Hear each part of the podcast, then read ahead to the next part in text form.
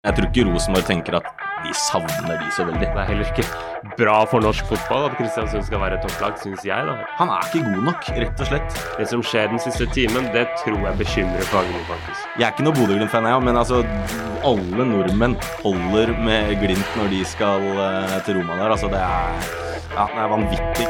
Sesongkortet, en podkast fra Nettavisen. Da kan vi ønske velkommen tilbake til eh, episode to av eh, sesongkortet. Jeg har fortsatt med meg Stian André De Wahl. Eh, men vi har fått en ny gjest i studio, Stian. Nettavisen og direktesportkommentator Robin Haugen, velkommen. Hjertelig takk for det. Det er artig å kunne være på sånn som det er og følge opp norsk fotball. Det, det er veldig, veldig gøy, altså. Vi kjører rett på, vi gutter. Eh, vi tar turen til Åråsen, hvor eh, Lillestrøm og Jerv eh, endte 4-0 til hjemmelaget. Imponerende av Lillestrøm det, Robin? Overbevisende, og de følger opp den gode andreomgangen de hadde etter, mot HamKam. Og det var veldig, veldig gledelig. Så det var veldig underholdende, og så er det jo deilig med den ramma som Åråsen har. Vi husker fra første seriekamp òg hvordan Fula var på Briskeby der. Det var fantastisk. Og det er, det er, deilig at Lillestrøm er med fra start og følger opp den gode fjorårssesongen også. Pål André Helland mål og assist, og Gjermund Aasen med tre assist. Da. Hvor viktig er de gutta her for eh, Lillestrøm? Veldig viktig. Eh, og du, altså, vi så jo en, en, liten videosnutt også etter kampen av eh, kaptein Aasen, hvor han virkelig mana da, eh, troppene. At de nå kommer vi med full selvtillit inn i den Molde-matchen. Og så tror jeg det er veldig, veldig avgjørende at de to leverer på banen nå. At du har de kapteinsfigurene og de lederfigurene som er så gode på banen. Mm. For, de, for hvis du hadde hatt de og de ikke hadde levert noen målpoeng, og en Helland som hadde vært på nedadgående kurve og ikke levert, da. Men når de leverer på banen, så blir det enda sterkere den kapteinsfiguren og de to lederskikkelsene.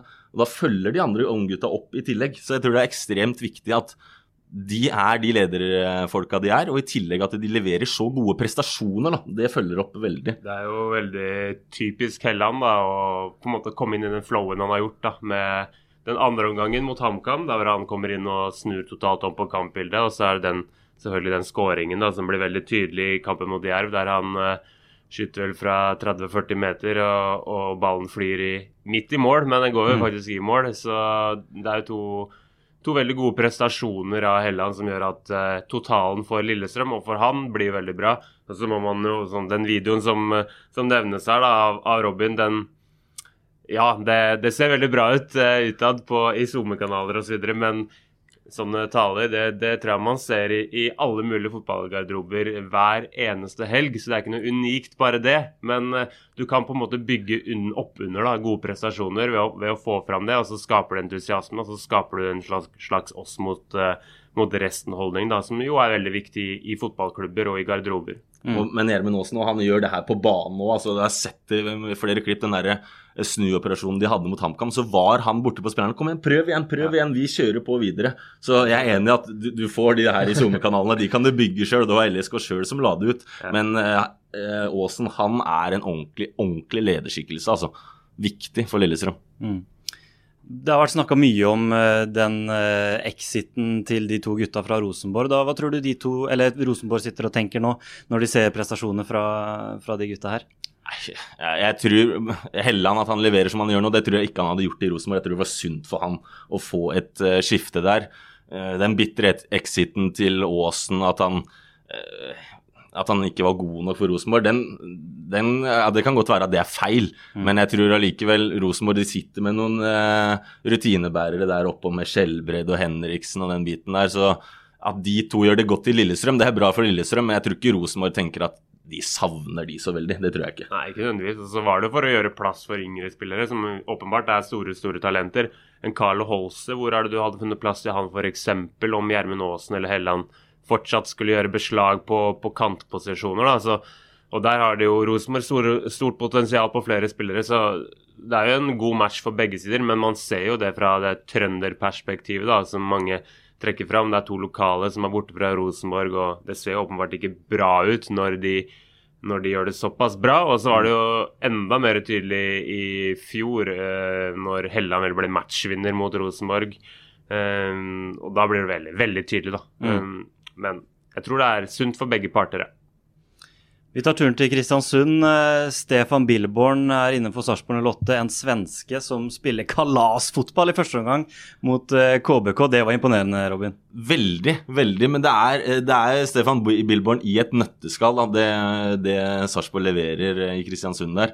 Fantastisk i første omgang, nydelig angrepsfotball, skårer tre mål. Og så i andre omgang så sa han vel at de så ut som et fjerdedivisjonslag. Det, altså, det, var, det var totalt natt og dag den første og andre omgangen. Og, uh, men det er ikke noe overraskende det heller. Jeg husker at jeg uh, gjorde en del forberedelser når jeg hadde de i uh, Marbella i treningskampene. Og de tre og et halvt åra han var i Hammarby, så var de de skårte, var de blant de lagene som skårte mest, men de var samtidig blant de lagene som slapp inn mest. Mm. Og det sier ganske mye om eh, hans filosofi da, og hvordan Sarpsborg kommer til å være denne sesongen her. Ja. Det er jo ganske ulikt Sarpsborg å være et sånn type lag. Det har ofte vært veldig fokus på eh, defensiv struktur, men eh, nå ser man et litt nytt Sarpsborg, Stian. Ja, det kler jo egentlig en del av de spillerne de har. Gode ballspillere, spesielt sentralt i banen med Saletros og, og et par andre. Linseth som er på en måte litt mer jobbe, jobber opp og ned, men uh, han har blitt mye bedre med ballen de siste årene. Molin som er uh, god med ball. Så, sånne Spillestilsmessig så kler jo Billboard sin stil kanskje flere av de spillerne som Sarpsborg har også rekruttert inn da, den siste tiden. Så Ikke minst junior på midten der som ja. de har henta inn. Og så er det uh, Maigård også som har kommet inn. Så det er gode ballspillere som passer mm. Sin stil. altså. Veldig. Og et kunstgresslag som, som på en måte flytter kula sånn sett, så men man får jo se da om det faktisk lønner seg i det lange løp. For det er ikke nødvendigvis at du plukker noen flere poeng ved å bli mer ballbesittende og skal styre kamper. Det, det har også slått motsatt vei i flere tilfeller. Så klare å balansere det, være kynisk når du skal det, eh, spille på resultat osv. Nå klarte de jo det da mot eh, Kristiansund, men det var jo med nød og neppe. Så får vi se hvordan det utvikler seg videre her. Ja, Det er tidlig i fasen, men det er i hvert fall underholdende for eh, oss å se på. Også underholdende for spillerne å spille. og Jeg mm. prater jo litt med Linseth eh, i oppkjøringa i Marbella der òg, og han nevnte jo på at han aldri vært borti en sånn trener som har uh, hatt uh, Eller at, aldri hatt treninger som han hadde hatt under Billborn. da. Mm. Veldig underholdende og liksom nye ideer og veldig fersk. Så han trivdes veldig da. Og det virker jo som spillerne også responderer på det. Så er det naturligvis nødt til å levere bedre andre omganger, men det her er tidlig. Så hvis mm. han kan bygge videre på den første omgangen, så tror jeg det kan bli virkelig, virkelig underholdende i Sarpsborg, altså. En annen som uh, trenger en utvikling, det er Christian Mikkelsen og KBK. To tap da på rad for uh, laget der. Uh, det er en kjedelig start for Kristiansund. Ja, og De har ligget i toppen nå veldig veldig lenge og overraska. Du blir litt sånn Kan de klare det igjen? Det kan fort være denne sesongen her at vi ser at KBK faller litt på tabellen, men det er ikke noe krise for dem at de, at de gjør det. Det ville vært naturlig, for det, det, de har holdt på med i det siste, er helt vanvittig. Jeg, jeg tenker at den smellen som eventuelt skal komme, da, den uh, på en måte sitter alle og venter på, og den burde komme. Fordi det er ikke levedyktig at Kristiansund skal være i toppen. Og det er heller ikke bra for norsk fotball at Kristiansund skal være topplag, syns jeg, da, etter min mening. Uh, kanskje litt stygt sagt mot dem, men, men, men det, er, det, tyder på at de har gjort noe riktig, og at de større klubbene fra de større byene har gjort noe som ikke er like bra. da. Så, så Sånn sett så er det jo skryt til Kristiansund. Men så har de også for, forringa laget før den sesongen, og det har Mikkelsen vært tydelig på. at de har forringet laget for å kunne skaffe seg salgspotensialet i troppen, for å kunne tjene penger, få en sunnere økonomi sånn sett. Så det er kanskje en kalkulert risiko de har tatt. Eh, så gjenstår å se om, om, det, om, det, slår så feil at de faktisk må kjempe for plassen og, og eventuelt risikere å rykke ned. Men jeg tror ikke vi skal uh, frykte det helt enda for, uh, for Kristiansund sin del. Da. Et lag som vil kjempe seg tilbake helt i toppen, det er Vålerenga. 2-1-seier på Intility, den var viktig for Dag Eilif og troa på, på Valle Veldig. Og og Så de veldig bra ut den første halvtimen og føyk ut av startblokkene. Men eh, så falt det litt tilbake til gamle synder, og det blei en sliteseier rett og slett mot et Haugesund-lag som man hadde forventa at de skulle kjøre litt mer over, i hvert fall med den starten da, som de fikk. Eh, men nå har jeg hatt Vålerenga alle sine treningskamper og, i den uh, våren og vinteren her, og det er et eller annet som ikke stemmer. Nå har de fått inn Dønnum, det blir veldig veldig viktig. Men den skaden på Odin Tiago Holm, det tror jeg gjorde veldig mye for at det laget her ikke på en måte tar det neste steget. da. Når de, når de, når de har fått inn Dønnum, så har de han og Sarawi som kan skape ubalanse. Men hadde du hatt i tillegg Tiago Holm, så hadde du hatt tre spillere som motstanderne måtte forholde seg til. Og det, ja, det tror jeg er et hardt slag, altså, for, eh, for Vålerenga. Og apropos hardt slag.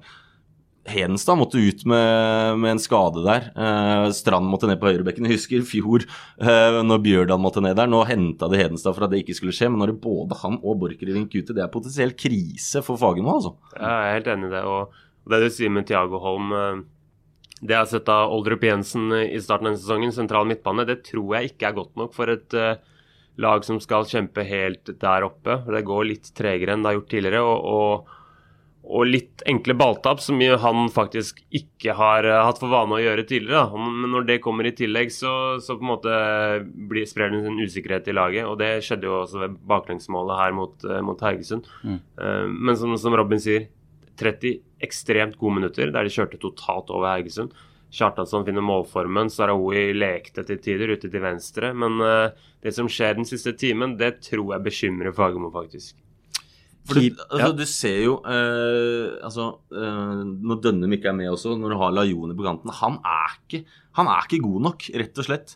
Og Kjartansson altså, han får to skåringer, det kan bli veldig viktig for han. Mm. Men han er, han er, bedre enn hva han var i fjor. Men det skal ikke så fryktelig mye til. da. Men jeg tror ikke han er på det toppnivået han var. Det tror jeg ikke, og det er det Vålerenga er nødt til å ha. Hvis de skal kjempe med i toppen, så må de ha en Kjartansson i sin beste form, men den tida tror jeg er forbi. Og så er Kjartansson avhengig av et lag som fungerer, som setter han opp i sjanser innenfor 16-meteren. Han er ikke en spiller som gjør ting på egen hånd. Det kommer han ikke til å bli, og det har han egentlig aldri vært. Mm. Så, så lenge et lag ikke fungerer optimalt rundt Kjartansson, så vil ikke han se noe spesielt god ut. Nå, nå så han veldig god ut i 30 minutter fordi laget fungerte. Resten av kampen ble han på en måte løpende imellom. Han ble sliten, han ble også etter hvert byttet ut. så så det er kollektivet Vålerenga som må fungere, og så lenge det er eh, litt sånn usikkert, så tror jeg altså det sprer seg en litt usikkerhet i troppen og i trenerteamet og rundt hele klubben, egentlig. En spiller som er viktig for Vålerenga, det er Ivan Nesberg. Han er på utgående kontrakt, Stian. Eh, hva er på en måte nytt rundt Ivan, det er slik du har hørt? Han har jo et uh, nytt uh, tilbud fra Vålerenga på bordet. Som, uh, som Der jobbes det hardt for at han skal signere den kontrakten. Nå har fått en ny sportssjef, og jeg vet at Joakim Jønsson kalte inn Ivan Nesberg til et møte umiddelbart etter han tok over den rollen, for å prøve å overbevise han om å signere. Fagmo har vært på han flere ganger. Han har jo uttalt i andre medier at han har fått en frist, men denne er nok litt overdrevet. Det er nok ikke noen, noen spesifikk frist, men at de vil ha et svar innen relativt kort tid. Mm. Um, og det tror jeg kommer. Jeg tror det blir en avgjørelse på det i løpet av kanskje april. Uh, så får vi en endelig avklaring. Men det er jo klubber da som følger Nesberg tett. og Det er jo åpenbart det som er grunnen til at det her drøyer. Mm. Han ser hvilke muligheter han har, hvilke klubber som er uh, ekstra på han, hvilke tilbud som ligger på bordet. Og jeg tror også det ligger noen konkrete forslag eh, fra både ligaer i nærheten av Norge og litt lenger unna, så han har muligheter. Og så må han på en måte gå for den sportslige og totalpakka som han føler er riktig for han. Så jeg tror vi får en avklaring om ikke så altfor lang tid. Vi tar turen til Lerkendal. Rosenborg eh, vinner knepent eh, 1-0 mot eh, Odd. En ålreit førsteomgang, men eh, det ble en sliteseier, eh, Robin, for Kjetil Rekdal. Ja, det som var en veldig positiv opplevelse i Bodø, hvor de overraska og leverte en kjempeprestasjon og flere sjanser man hadde forventa på forhånd, så hadde man litt mer for forventninger til eh, hjemmekampen mot Odd. Men det så ikke veldig bra ut. Altså, de, altså, det var to-tre ordentlige målsjanser de hadde. Det er svakt eh, hjemme på Lerken. Man forventer mer. Men det er klart, de får tre poeng, de får resultater. Eh, Rekdal som har vært inne på det nå, at det er i en oppbyggingsfase. Eh, og supporterne, så lenge det da blir tre poeng, så kjøper de det. Men i lengden så kan de ikke fortsette med å levere sånne prestasjoner som det der, for det er ikke godt nok for Lerkendal-publikummet. Kynikeren Rekdal er fornøyd med poengsankingen. Det er det som betyr noe i starten. Å få, å få det grunnlaget, og så må spille bedre. Så Det tror jeg vi egentlig bare kan konkludere med, og så gå videre. Fordi det er det Rekdal jobber for. Viking, eh, to 1-0-seire på, på rappen, da Ålesund hjemme nå sist. Eh, er det godt nok for Vikingpublikummet å vinne 1-0 hver gang? Ja, Der burde det vært mer, da. Der er historien litt annerledes enn det som var eh, i Trondheim. Fordi de kjørte på. Hadde det ikke vært for en viss grytebust i golden til Ålesund, så hadde det stått langt, langt mer til Viking. Altså, De var fantastiske. Og de, det er noe bunnsolid over eh, Siddisen, altså. Mm. Det er hele veien. Keeper stopper. Uh, midtbanene, spiss altså De har en sentrallinje som er knallgod. Og så blir det jo ekstremt viktig, selv om ikke Berisha har kommet i gang ennå. Det er Triper som har stått for goalene. Så kommer Berisha til å levere, og det, det, viktigste for dem blir å beholde ham. Da tror jeg de kommer til å kjempe med eh, i toppen hele veien. Det er det alt handler om, da. Om hva som skjer til sommeren. Om Berisha blir eller ikke, det kan være forskjellen på gull, sølv, bronse, eller eventuelt lenger ned på tabellen. Ehm, for det er der Viking ligger nå, i det sjiktet, akkurat i skorpa, på, på, å kunne krige helt der oppe. Uh, og Så får vi se om Berisha er fornøyd med å bli værende i Viking hele sesongen. Det, jeg har mine tvil, og jeg hører litt prat i, i gangene om, om, at ting kanskje kan skje i sommer. Men det får vi ikke svar på før om noen måneder, tror jeg. Men hvis Viking er med og kjemper opp helt opp i toppen der, så må jo Berisha ha lyst til å være med på det, hvis han kjenner at okay, nå kan vi faktisk vinne gull med det, Viking. Det er klart. Um, og så er det en mulig cupfinale, iallfall en vanskelig semifinale mm. først, da mot Bodø-Glimt. Så det er ting som skjer i Viking, spennende å være med på. men... Uh, men det er jo noen ambisjoner og noen planer som man har lagt seg selv personlig her, som nok også spiller inn. Så jeg tror ikke at Viking sitter på, på alle trumfkortene da, om hva som skjer i fremtiden her. Mm. Resten av episoden bruker vi på Glimt. Det kommer en kamp i Roma. Først det som skjedde i Sandefjord. De slet seg til en 2-1-seier der, men det kosta dyrt. Pellegrin og Brede Mo usikre før Roma-kampen. Hva tenker du om eh, det, det, eventuelle tapet der, da, Robin? Det er fullstendig krise for Bodø-Glimt hvis eh, i uh, hvert fall Brede Mo, som jeg ser det, er ute. Og Pellegrino også stort tap, uh, selvfølgelig. Men Brede Mo han har en sånn viktig uh, bærebjelke bakerst der. En ekstrem ro i spillet sitt.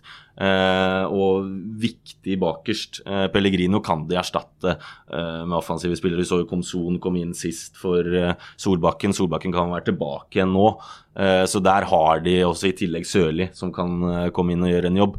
Men hvis Mo er borte, så tror jeg det er, eh, det er veldig veldig dårlige nyheter for eh, Knutsen og Glimt. Altså, da, da, tror jeg det kan bli veldig tøft. Det blir det uansett mm. i Roma, det, det, er garantert. Men uh, Mo tror jeg de skal ha hvis de skal ha en sjanse for å gå videre. Mm.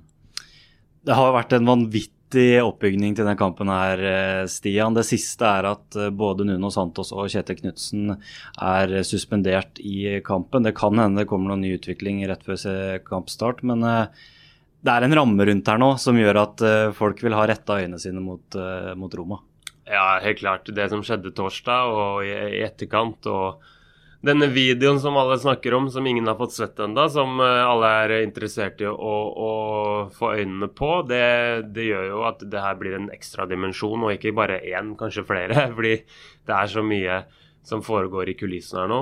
Bodø-Glimt reiste jo til Roma på, på, mandag kveld eller ettermiddag, og er jo i Italia nå. Skal trene der noen dager på Lazio sitt treningsfelt, som er erkerivalen til Roma, meldes det i italienske medier. Så det er jo også en ekstra dimensjon til at Roma og supporterne deres hater litt ekstra på Bodø-Glimt, i tillegg til det hatet som allerede ligger der. For det er faktisk et fotballhat som er, eh, har etablert seg nå blant Roma-fans pga. Den, den eh, historien som Roma på en måte har klart å bygge. Eh, også italienske medier er med på å bygge opp under. Uh, rundt spesielt da Kjetil Knutsen, um, som nok fra norsk ståsted og kanskje Bodø-Glimt-øyne er litt urettferdig. Men hvor fantastisk er det ikke altså for oss og norsk fotball at eh, vi greier å få fram det hatet hos store Roma og Italia, fotballnasjonen der. Mm. Så greier vi å få fram det hatet fra dem, lille Bodø-Glimt, altså. Er, jeg syns det er så fantastisk. Og så er det så gøy å se måten Glimt spiller fotball på i Europa. Det er altså jeg er ikke noe Bodø-Glimt-fan, jeg, men altså, alle nordmenn holder med Glimt når de skal uh, til Roma der. Altså, det er, ja, det er vanvittig gøy, det som foregår. Men Bodø-Glimt det er jo et systembasert uh, lag som uh, leverer godt i det systemet. Og Kjetil Knutsen er jo hjernen bak det hele. Hvor krise er det at han ikke blir å se på benken da, hvis det skulle eventuelt bli utfallet her? Det er, det er også øh, fullstendig krise. Altså, Sammenlignet med at hvis keepertreneren til Roma blir borte Det, ikke, det kan ikke sammenlignes engang.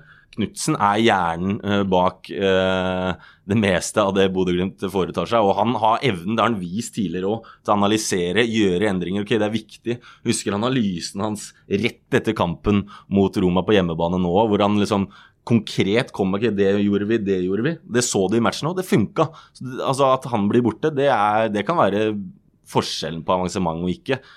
Kanskje. Ja, ja, ja, det, er, det er å sette det litt på spissen, selvfølgelig, men, men Knutsen, det, det er viktig, altså. Det er viktig, selvfølgelig. Og en trener har mye å si, og Knutsen spesielt. da, Men om han eventuelt blir satt på tribunen, så tror jeg det foregår en slags kommunikasjon om hvilke grep som gjøres i kampen. Men selvfølgelig, han lever jo ikke i kampen på benken som han ville gjort til vanlig. Ehm, men vi skal ikke overdrive det heller, selv om det er på en måte en trygghet for laget at han er der som, som normalt. da. Men eh, vi får se da hvordan det utvikler seg neste timene. Fordi her er ikke siste ord sagt, og det er eh, ting som foregår i kulissene. Det er anker, og det er uh, nye vurderinger som gjøres. og så jeg tror eh, ting kan fremdeles skje, men selvfølgelig, det er en sjanse for at Knutsen ikke er på benken for Bodø-Glimt på torsdag kveld. Og så skal du ikke undervurdere altså, eh, Hvis de får mange skader og i tillegg Knutsen ute, da er det liksom så mange mangler, da. Eh, og så mange endringer eh, i forhold til det som er vanlig. Istedenfor at det f.eks. har kun Solbakken, ok, da kommer Komson inn. Hvis det blir flere endringer nå med Mo, med Pellegrino og Solbakken ut, og kanskje også Knutsen ikke på benken, så er det så mange ting. Da baller det på seg. Da, er det, da skal det mye til for at, eh, for at Glimt skal ta seg videre, selv om det naturligvis ikke er helt, helt avgjørende. Men jeg, jeg tror når det blir så mange faktorer, så tror jeg det kan, kan bli for mye, altså. Du snakker om det hatet som har spredt seg litt i Italia nå, Stian. Hva, hva må Bodø-fansen passe seg for her? Det, det er klart at det er en litt annen kultur nede i Roma der enn det man er vant til på de forskjellige eliteseriearenaene. Jeg håper Bodø-fansen ikke følger rådet til eh, politiet i Bodø, som vel eh, sa at uh, bare ta på dere gule Bodø-Glimt-effekter og kos dere som vanlig i Romas gater. Og kommer det noen som skal lage bråk, så snur du bare og, og går en annen vei. For det er ikke sånn det fungerer i Roma. Der har du tradisjon for at uh, det oppstår uh, farlige og til dels voldelige situasjoner med mye større klubber og mye mer profilerte kamper enn en det dette her er. Så man må være forsiktig og ta forholdsregler. Jeg sier ikke at det skjer, men jeg sier at man burde kanskje prøve å blende inn da, i, i de italienske gatene på en litt annen måte enn du ellers ville ha gjort, eller som du gjorde i fjor uh, under gruppespillskampen. fordi rammen har endret seg. Eh, det er en mer fiendtlig stemning mellom klubbene og alt det som har eh, skjedd i forkant. Så jeg ville vært litt forsiktig. Hadde jeg vært en eh, vanlig Bodø-supporter på påskeferie i Roma Jeg synes hvis det skal bli sånn, da, at du ikke kan eh, gå i dine farger og din drakt og representere dem. Men, jeg- er helt enig, det er, tingene er helt annerledes der borte. Og kanskje man må ta forhåndsregler, men ja, det er synd hvis det skal bli sånn. Og det er synd hvis uh, Roma-fansen på en måte kjøper den uh, historien nå, selv om ikke vi har sett noen bilder Mm. ennå. så Den historien har de allerede kjøpt, så det Ja. skal man ikke tenke på. Så man må bare tilpasse seg det, situasjonen sånn som den er nå, og, og, og på en måte jobbe deretter.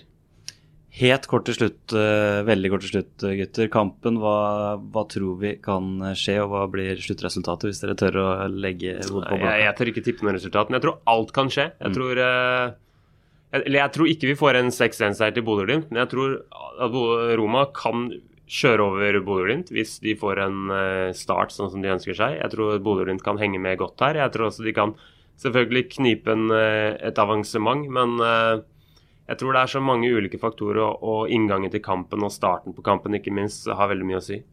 Jeg tror dessverre at det er hit, men ikke lenger for uh, Bodø-Glimt. Men, uh, men de har overraska før, så de kan godt gjøre igjen. Og det er ingenting som ville gleda meg mer heller. Men jeg, jeg tror uh, Roma på bortebane på Stadio Olympico det blir for tøft. Og i hvert fall med tanke på hvor revansjesugende hele Roma er, da. Med, med Mourinho i spissen her, som gjør alt for å vinne. Så jeg tror det er hit, men ikke lenger. Men gjerne motbevis meg Knutsen og Bodø-Glimt. Takk skal dere ha, gutter. Eh, Det var alt. Eh, Vi gleder oss til kamp. Definitivt. God påske. Sesongkortet, en podkast fra Nettavisen.